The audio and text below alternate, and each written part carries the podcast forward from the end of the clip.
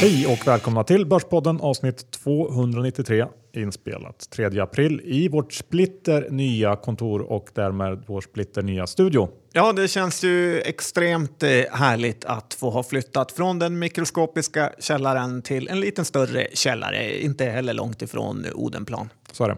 Eh, det kan ju innebära, jag vet inte riktigt hur det kommer att bli, men eh, förhoppningsvis så är det helt okej. Okay. Annars löser vi det inom kort.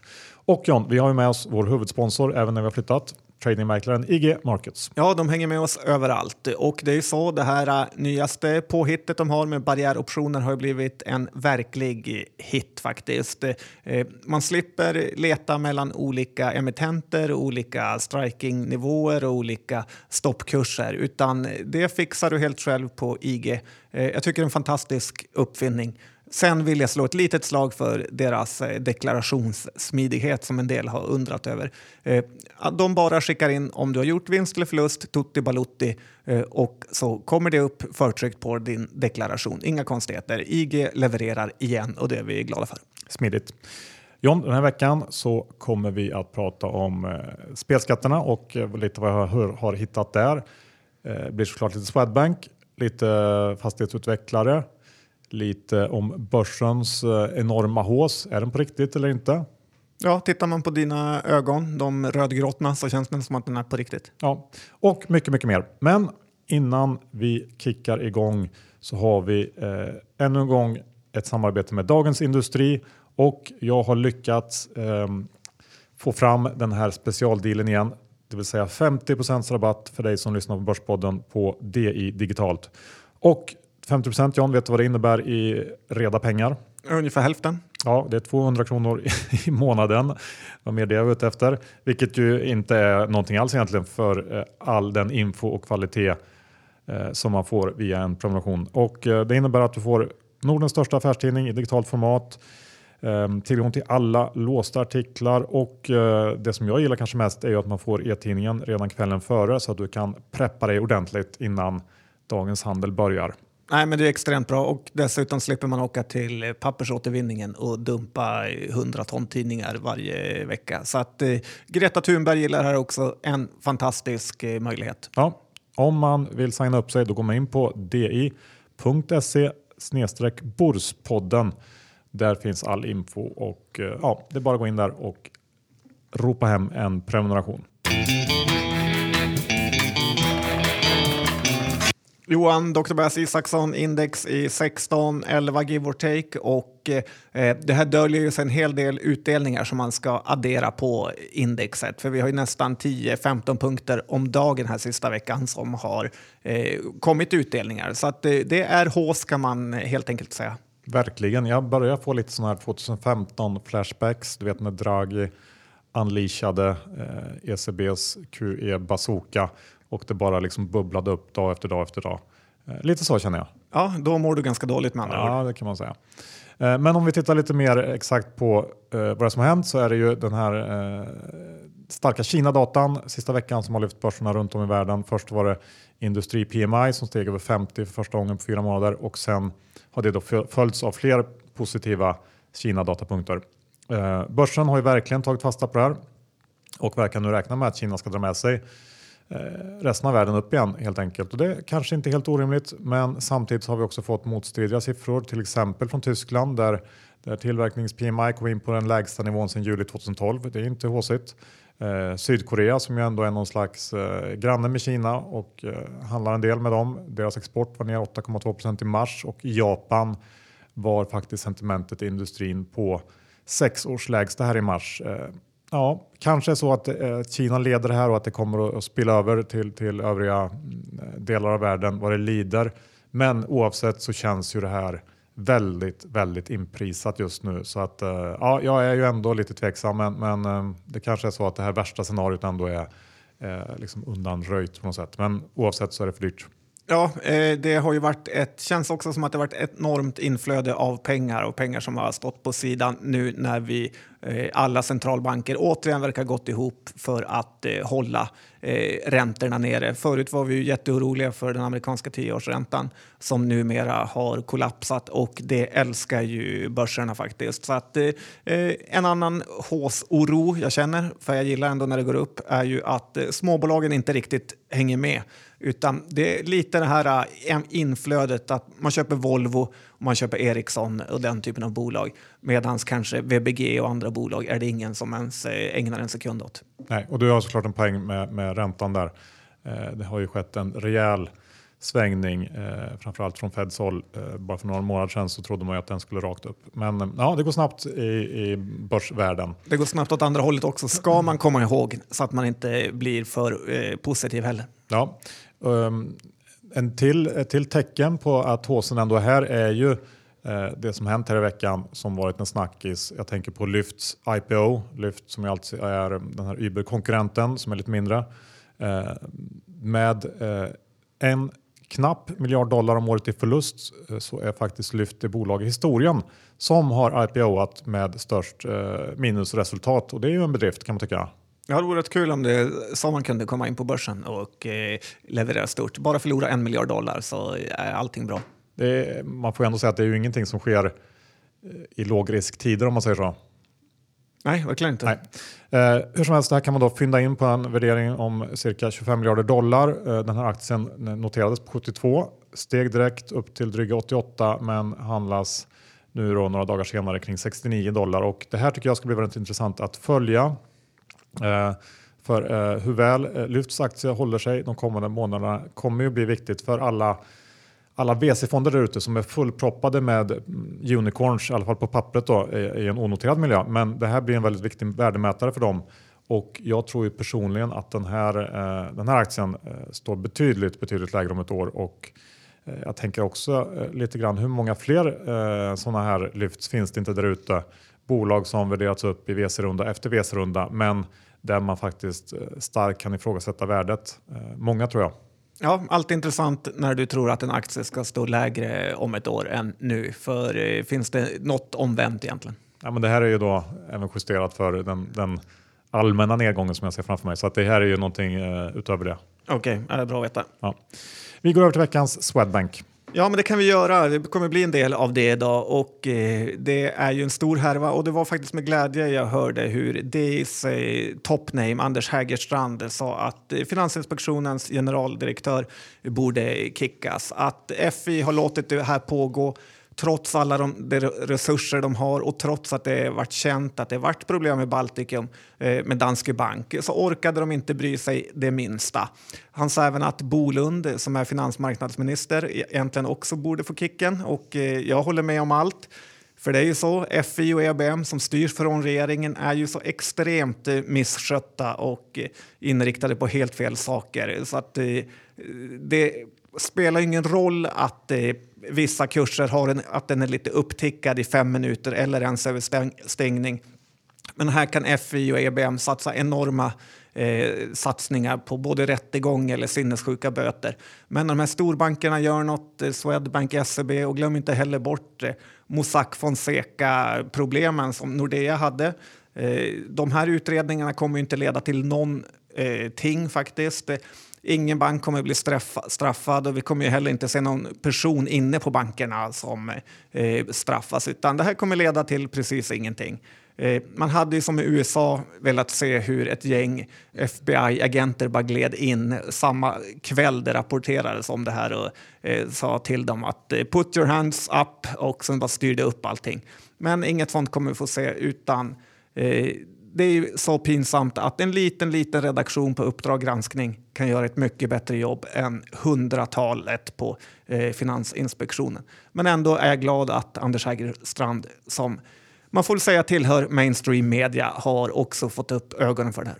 Ja, verkligen, jag håller med. Och jag tycker också att man kan rikta lite mer kritik mot, mot eh, ett par av de här storägarna som ju ändå kommit hyfsat lindrigt undan kan jag tycka. Eh, Folksam till exempel som ju har väldigt hög svansföring när det gäller hållbart ägande och att man tar ägandefrågor på stort allvar. Jag vet inte, men jag, jag, kan ju tycka att det kanske är viktigare att, att se till att det man äger inte hjälper ryska oligarker att råna hela Rysslands befolkning än att man paketerar och säljer några liksom halvtveksamma gröna obligationer. Eh, det är inte hållbart för min, i min eh, värld i alla fall. Så där tycker jag det finns mer att göra också och mer kritik att rikta. Ja, verkligen. Den där eh, Markov, eller hon heter, som gärna ställer upp i Aktuellt och berättar hur goda de är. Lite pinsamt att se det. Bra, och då kanske John kan eh, passa bra att eh, ta upp mannen med högst personligt varumärke i Sverige. Ja, faktiskt. Det, finns ju en person i Sverige som är på liksom, nummer ett och han har inga konkurrenter. För hans varumärke är så värdefullt så att det är lögligt. Eh, vet du vem jag kan eh, gissa på? Eller syfta på? Du får gissa. Uh, Ingvar Stenmark. du är kul ibland, du plockar inte fram det ofta, men eh, det, eh, så här, det är ju Göran Persson faktiskt. Och Eh, Eh, det är inga problem med Ingemar Sten. det har brutit ihop. Men om vi har nu eh, är inne på Göran Persson, så att kommer han som ordförande, jag har sett flera personer eh, prata om att han borde ta över efter Eh, här i Swedbank. Och kommer han så kommer vi få se eh, aktiekursen gå upp med 10 procent. Eh, man vet ju att han är kanske lite väl hypad, men till och med jag känner att Göran Persson som ordförande här vore en riktigt, riktigt eh, bra grej. Och eh, var jag Swedbank-ägare så skulle jag faktiskt eh, låta det kosta vad det kosta vill för att få in honom. Ja, men jag håller faktiskt med där. Det, eh, man kan tycka vad eh, man vill om honom, men ja, jag köper det. Det skulle vara bra. Ska vi avsluta första delen med bostadsutvecklarna? Ja, och eh, de går ju kolossalt dåligt. Eh, det är ju mycket att eh, förundras över, men glöm inte bort när Jan Dinkelspiel var här och hade Prime Living som största innehav och jag sa att det var förmodligen en scam. Då stod aktien i 80, idag står den i en spänn. Rätt sjuk kollaps. Aktier går inte alltid upp ska man komma ihåg. Sen har vi ju Tobin Properties där numera Rutger Arnhult köpt in sig stort. Eh, och här irriterar jag mig lite över hur han har löst ut storägare efter storägare i det här bolaget på höga nivåer och sen låter de bolaget göra nyemission nu alldeles nyligen eh, och, och aktien är på bottennivåer. Eh, det känns ju lite taskigt mot de andra ägarna faktiskt. Här i februari så lät han ju, i slutet av februari till och med, så lät han ju en styrelseledamot sälja massa aktier till honom på 10 kronor och eh, nu handlas den ju i 6 kronor. Så att, eh, lite konstigt hur de kan i styrelsen trixa med affärer mellan varandra. Men det är ingen som bryr sig förutom jag, verkar det som. Eh, sen har vi Oscar Properties, Johan, och det är väl lite av en härva också kan man ju säga. Det får man nog säga. Mm. Och eh, den har ju havererat totalt. Eh, men Oskar själv har inte sett någonting, säger han till dig. Det har bara, han har ändå bara fått eh, för sig att han måste sälja eh, massa aktier. Både vanliga aktier och eh, preffar. Eh, så att man undrar ju hur det ens är möjligt att kunna fuska till sig så här mycket pengar på andras bekostnad. FI kommer inte bry sig, men vi andra kommer ihåg. Och sen tycker jag att man ska komma ihåg att eh, de här alla vdarna som är ute på kapitalmarknadsdagar och aktiesparardagar och säger att eh, en avmattning nästan bara är bra för dem för att då kommer priset på underentreprenörer och eh, eh sjunka och personalproblemen kommer bli mindre eller bristen. Så att vi kan ju slå fast här att sjunkande efterfrågan är inte bra för någon i princip. Vi är denna vecka sponsrade av Tessin och har träffat Jonas för att eh, fråga lite kring deras institutionella fond som är nylanserad. Eh, berätta lite mer om den. Varför gör ni det här? Ja, vi har ju dragit igång den precis nu eh, så att den är på väg ut och, och kommer lanseras. Eh, och som vi har sett det, vi har ju haft ett stort intresse hela tiden från sen starten från institutionella investerare. Problemet har varit att man kanske som privatinvesterare har, har en möjlighet att titta på varje case och har tid att göra det. Eh, men institutionella investerare har inte den kapaciteten ofta att, att gå in i enstaka lån. Så de har efterfrågat en, en diversifierad portfölj och ett fund management som kan ta hand om de här investerarna och följa upp dem.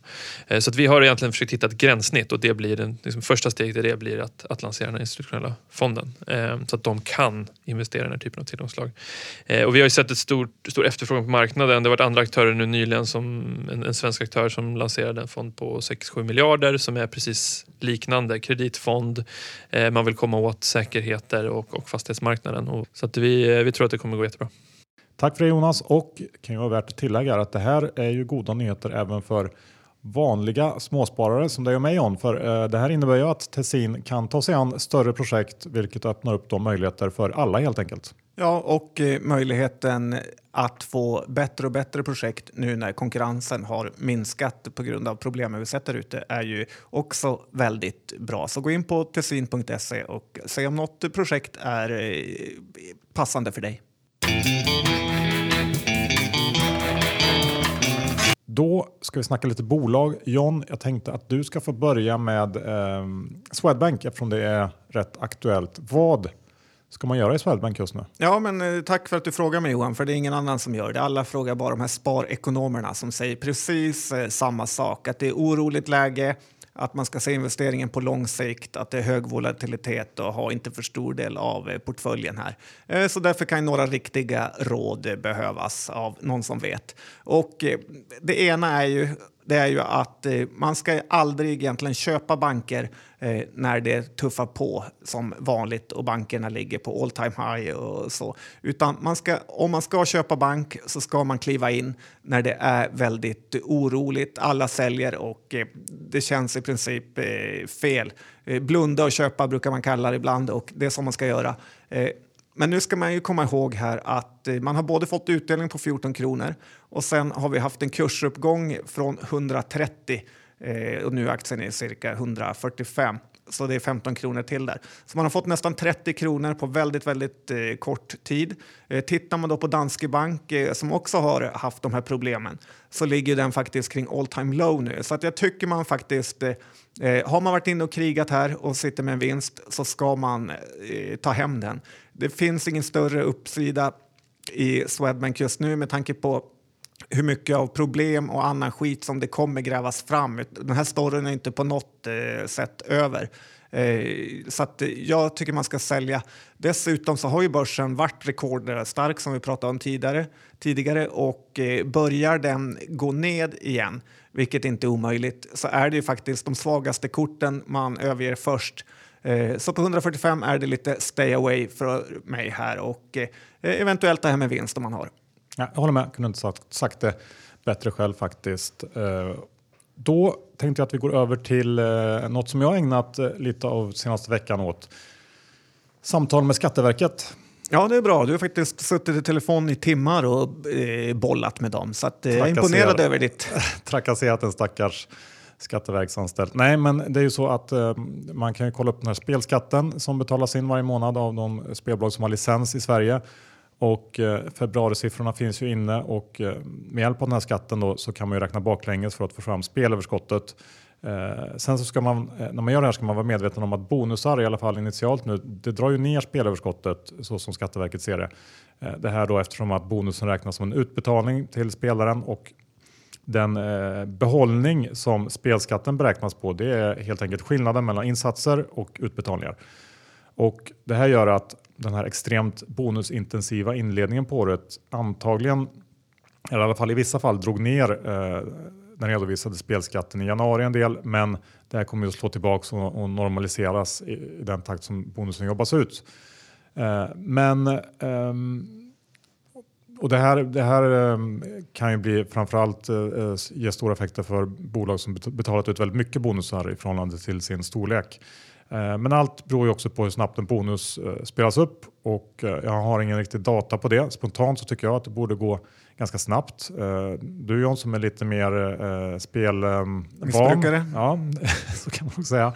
Vad har du för, för take på det? Ja, men bonusen rycker ju väldigt fort och det brukar ju vara det bolagen vill eftersom man har oftast ett antal dagar att omsätta den på och så vidare i villkoren. Så att eh, här är det nog inte lång tid innan bonusen är borta. Ja, men precis. Jag såg Leo Vegas till exempel har 60 dagar om man ska ta dem som exempel. Och just Leo Vegas klagar ju faktiskt i samband med sin Q4 på eh, en extremt bonusintensiv eh, januari.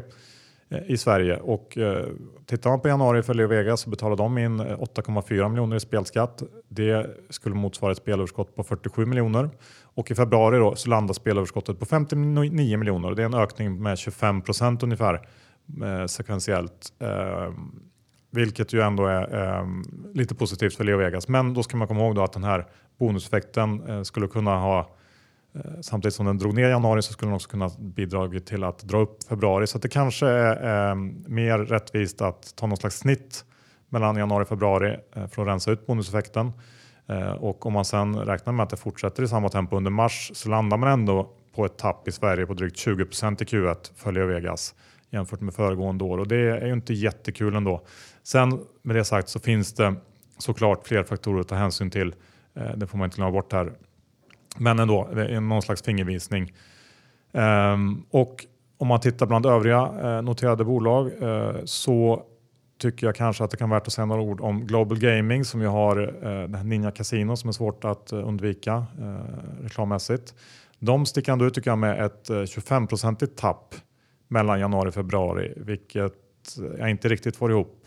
De borde också varit stora på bonusen i januari och um, ja, jag vet inte, det, det, känns inte eh, alls bra för Global Gaming.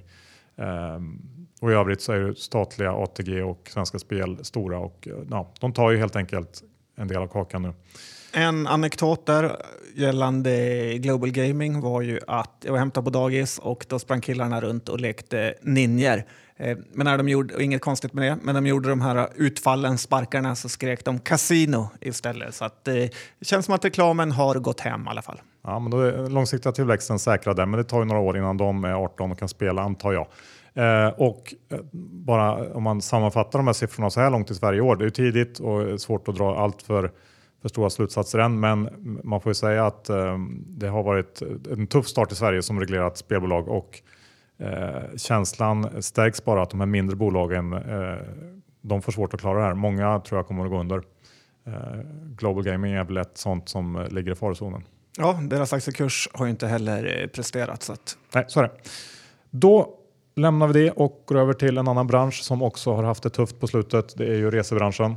Ja, där har vi haft en väldig massa problem och TUI som är den stora researrangören och eh, tradas på den tyska marknaden har ju vinstvarnat. Den här aktien har gått väldigt dåligt och är ned eh, ungefär 50 procent på eh, eh, inte alls lång, lång tid. Och de i sin vinstvarning hänvisar ju då till de här Boeing-problemen då de är efter Norwegian, det bolag som har mest eh, sådana där 8 max-plan.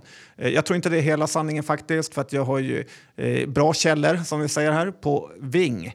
Och de källorna säger att det går riktigt dåligt där med. Eh, vi bokade en resa till Mallorca, eh, inte du och jag Johan, men Nej.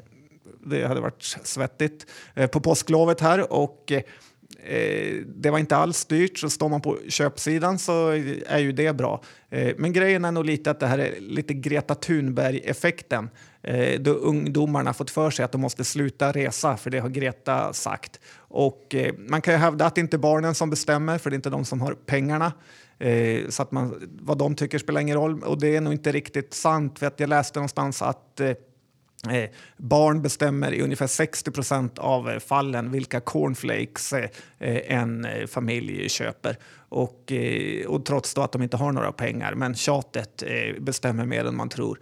Eh, och det låter ju ändå rätt eh, rimligt med tanke på vilka mängder Frosties, Pops och annan skit som säljs Eh, inte kanske direkt Jonas Koltings första val. Eh, men vad gäller resor så är det också så att eh, om barnen inte vill åka på så här Lullo Bernieland så behövs det inte mycket övertalning från eh, föräldrarna för att de inte ska boka den resan.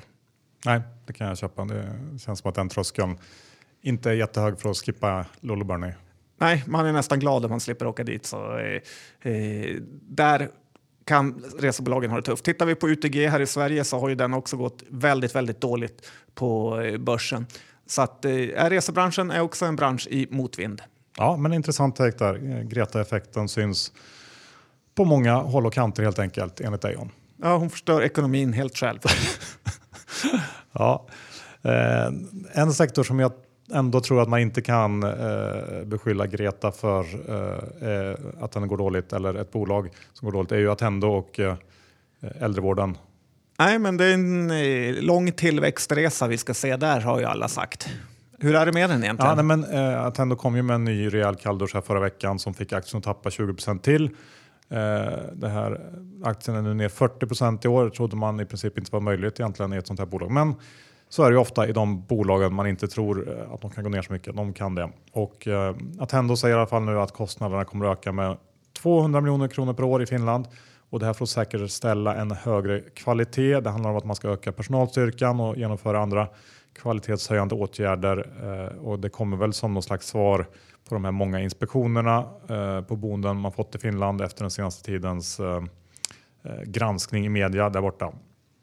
Eh, Känns inte jättesoft att vara gamling i Finland på ett Attendo-hem. Få besök en gång i månaden. Nej, sen ska man väl säga att det, där, det är ju lagstadgat hur, hur personaltätt det ska vara och sådär på boendena. Så att jag, inom de gränserna antar jag att Attendo har hållit sig. Men ja, jag vet inte riktigt eh, om det här är någonting som man gör för att vara blidka lite eh, allmän opinion.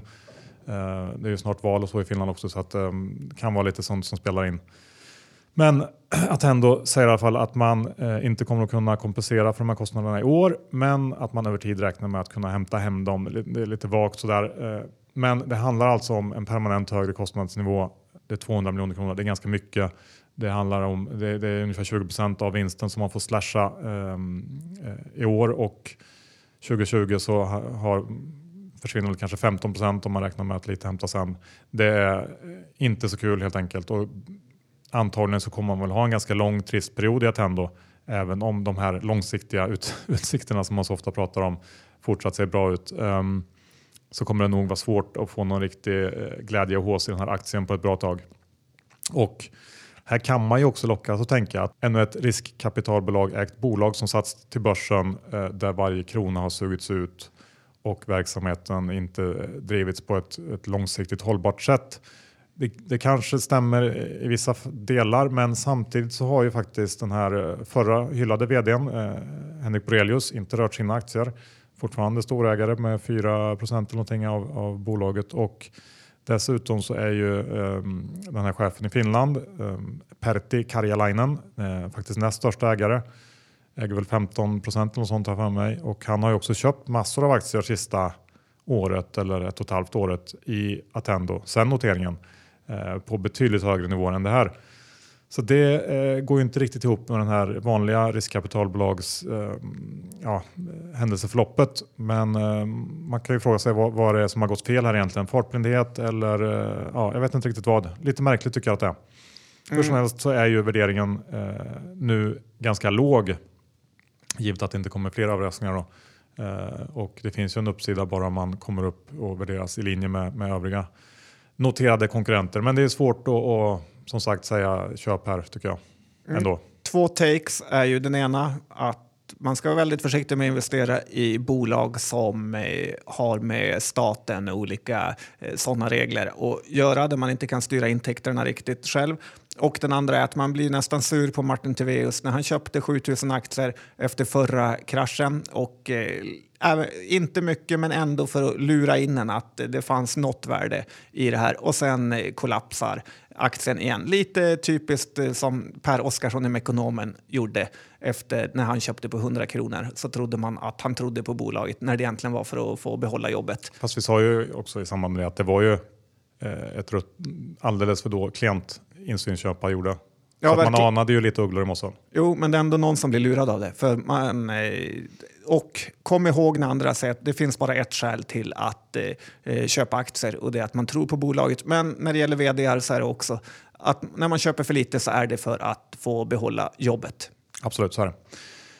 Bra, då går vi över till ett lite mindre bolag Jan. Eh, Balco tänkte jag på balkongrenoverings eh, och byggarbolaget. Ja, men det här är faktiskt ett bolag som jag gillar. Ingen annan har egentligen följt upp eller följt det här bolaget så att då får jag göra det. De renoverar och bygger nya balkonger på lägenheter och eh, den absolut största delen är eh, renoveringar. Att man antingen fixar till de här gamla balkongerna, för det finns ju otroliga mängder balkonger i Sverige på sådana här eh, eh, olika liksom, miljonprogram och även andra lägenheter. Och antingen så fixar man bara till den lite grann eller så som förmodligen är mycket mer lönsamt så hottar man upp de här och gör dem inglasade så man kan ha det som ett extra uterum.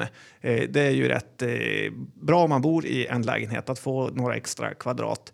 Eh, de har haft några halvdåliga kvartal bakom sig och eh, blandat då med dålig orderingång och sen senaste hade de eh, slarvat med att ta på sig att renovera balkongerna på ett kryssningsfartyg och där blev de väl i princip lurade kan man säga. Eh, då de förlorade nästan lika mycket på den här orden som eh, orden var på. Så det var ju inte proffsigt direkt. Eh, men det har ju fört med sig att aktiekursen eh, slashvärderingen är ganska låg här på 55 kronor. De bör väl 2019 tjäna kring 5 kronor kan man tycka. Eh, orderboken är ganska välfylld och Eh, eh, jag lyssnade på konf när rapporten kom och de var ju väldigt eh, självsäkra här. Eh, en del kanske oroar sig för den här nybyggnationen, eh, men det är en väldigt liten del i Balco. Eh, cirka 10 procent bara, så att man ska inte blanda ihop det här med bostadsutvecklarna. Det är så också att en balkong måste ju renoveras var 20 år, annars ramlar den ju ner, give or take. Inte exakta siffror där Johan, men ungefär något sånt. Det negativa kan man väl säga är ju att eh, Segula, som eh, är fortfarande största ägare här med ungefär 20 procent av aktierna, och eh, det är möjligt att det kommer bli en eller två placings här innan de är ute. Ett annat mer positivt alternativt eh, vore ju att det blev någon typ av industriell tagare, JM eller Inwido eller något åt det hållet. Så skulle det få fart på aktiekursen. Men det är i alla fall en aktie värd att hålla koll på. Eh, jag har handlat den lite här i 53, 55, 6 intervallet. Men eh, svårt att veta vart den ska ta vägen. Mm. Det tråkiga i sådana här är väl lite att man ändå dras ner av, av sektorn i övrigt. Även om Balco kanske skulle kunna leverera bättre så det är svårt att få upp värderingen så jättemycket kan jag tänka mig i alla fall. Ja, exakt eh, så är det. Så att, man får väl antingen säga som att man köper en billig aktie, men det finns ju fortfarande ändå en risk att eh, den här orderboken kommer minska. Eh, men jag gillar ändå Balco. Mm. Det är alltid risker med aktier kan vi väl kan vi konstatera. Ja. Ehm, sen ska vi gå över till en aktie som inte är billigare utan tvärtom nästan. Jag tänker Paradox. Ja, Paradox eh, PDX som kortnamnet är, tickern. Och eh, här har det hänt lite roliga grejer. Alltså nästan när Q1 var slut eh, så sålde Shams Giuliani, säger man så? Ja, det tror jag. Eh, han sålde 40 000 aktier och eh, eh, fick då frågan på Twitter av någon småsparare varför han sålde och kom med det numera klassiska svaret ska ut på lördag. Det är nog kanske bäst, bästa eh, motiveringen någonsin för en insiderförsäljning. Ja, det var inte så många mediarådgivare eh, som har gått igenom den där tweeten kan man ju tycka. Och, och, och därför blev den väl så populär här. Ja, ja. Och, och sen såg jag eh, längre ned i tråden så kom ju Fredrik Wester in som alltså är grundare och största ägare i Paradox och frågar då Shams om det är Gröna jägaren som vanligt. Eh, och då svarar Shams att sen blir det en avrundning på Dovas. Eh, eh, frågan är om man ska tolka hela det här eh, grabbsnacket. Och eh, jag säger nog nästan att det blir lite köprek på Paradox efter det här. För så här kaxig kan man inte vara att eh, sälja massa aktier nästan innan kvartalet är slut. Eh, Största ägaren är med och gnabbar lite. Så att, eh, eh, det är nog inte en 20% nedgång på rapportdag känner jag. Eh, rapporten kommer 14 maj så att jag ser redan fram emot den. Mm, bra tack. Um, ska vi ta någonting eh, inom verkstad kanske John? Ja, det vore inte en börspodd utan lite eh, bäsande av verkstad. Nej, men, eh, men eh, tittar man på hela verkstadsklustret eh, på OMX så hör ju de till Eh, de verkliga vinnarna i år på börsen. Många eller de flesta eh, aktierna har faktiskt gått upp någonstans 25-30 procent och um, Assa som är upp 27 så här långt i år är inget undantag. Um, men jag såg att, att uh, Morgan Stanley var ute med en intressant analys igår uh, som var lite negativ där man pekar på ett antal faktorer som kommer att uh, göra tillvaron något tuffare för Assa. Och historiskt sett så har man byggt framförallt sin tillväxt på eh, förvärv men högre priser och relativt, sett mindre förvärv gör att det här den här resan börjar ta lite slut nu. Det finns inte lika mycket att hämta här och eh, när det gäller organisk tillväxt så har man historiskt sett varit sämre än sektorn faktiskt, vilket kanske överraskar lite grann.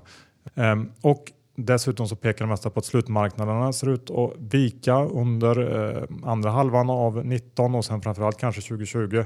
Och sist men inte minst är ju att den här upphaussade delen med smarta lås som faktiskt bara står för 2,6 procent av bolagets omsättning eh, helt enkelt har alldeles för höga förväntningar på sig och eh, kommer eh, knappast kunna bidra särskilt mycket till den organiska tillväxten. Och, eh, det här eh, är ju alla ganska tråkiga nyheter, men eh, det som gör det ännu tråkigare är att, att aktien handlas till en 30 i premie mot sektorn i övrigt. Och jag håller med om att det här känns som en eh, klockren säljkandidat faktiskt just nu. Ja, jag kan hålla med. Det känns som att typ alla lås i hela världen är ett Assa-lås och ju mer man ska gå över till digitala eh, så är det ju dels vad jag har hört marginalerna mycket, mycket lägre på dem eh, och eh, att det kan vara svårt att behålla en sån marknadsandel när det kommer många nya teknikföretag som eh, hittar på andra varianter än den klassiska eh, nyckeln in i ett kolvlås. Ja, men exakt så. Ska vi avsluta med XXL? Ja, det här är ju ett eh, bolag som eh, är lite kul att prata om. Det har inte gått så bra. Jag var och handlade lite grejor där i helgen och eh, man inser ju hur extremt eh, tuff den här sport-retail-marknaden, handeln är. Att, eh, jag fick ett mess i fredags från Intersport som sa att de drog av 25 procent på priset på allt och det gällde både i butik och på nätet. Och sen när man kom till XXL så hade de stora kampanjer om att de bjöd på momsen. Eh, alltså, de gav 20 i rabatt på allt. Eh, och eh, det är ganska mycket, slår ju ganska hårt på marginalen. Men sånt här lockar ju folk och eh, jag är ändå förvånad över hur liksom fruktansvärt eh, det, det, ser ut i deras butiker. De här ladorna som Excel Sport har ser ju ut eh, som svinstier om jag ska vara hård. Eh, det finns ingen att fråga och det bara ligger driver med saker överallt som kunder har kastat ut. Eh, det här är ju kundernas fel visserligen, eh, men det blir ju lite av den här klottereffekten att om det redan ser för taskigt ut så är det ingen som, annan som orkar bry sig heller. Eh, 24 mars kommer rapporten för Excel Sport och eh, jag skulle verkligen inte förvänta mig mycket här. Den har ju redan tappat massor, även om den har studsat upp från eh, botten. Men drar man det här vidare över nätet så kan man ju se det på det svenska Sportamor som bara för två år sedan verkade vara det nya heta. Aktien var på all time high då, men nu har det, som det kan göra fort på börsen, gått till att den tar nya all time lows varje dag. Eh, när man trodde aktien inte kunde sjunka längre så går vdn och kränger iväg aktier på 75 kronors nivån och eh, då fick, krascha den ju ända ner till 67 som jag såg att den var här i nyligen. Och det skulle kanske, eller hoppas det, eller jag vet inte vad jag hoppas, att det är tvångsförsäljningar, eh, vilket inte är bra. Men om det inte är det är det ju nästan ännu värre att han försöker casha hem det sista som finns eh, kvar. Det man ska komma ihop, komma ihåg att sina aktier där nästan, eller väldigt mycket negativt är inprisat. Så det här skulle Sportamål komma med något positivt så kan vi ha en 25 procentare rekyl upp på eh, en dag och det är väl det man får hoppas på om man är lång. Men jag håller nog med om att det ser rätt eh, tufft ut. Slut på avsnitt 293. Vi tackar vår huvudsponsor tradingmäklaren IG Markets.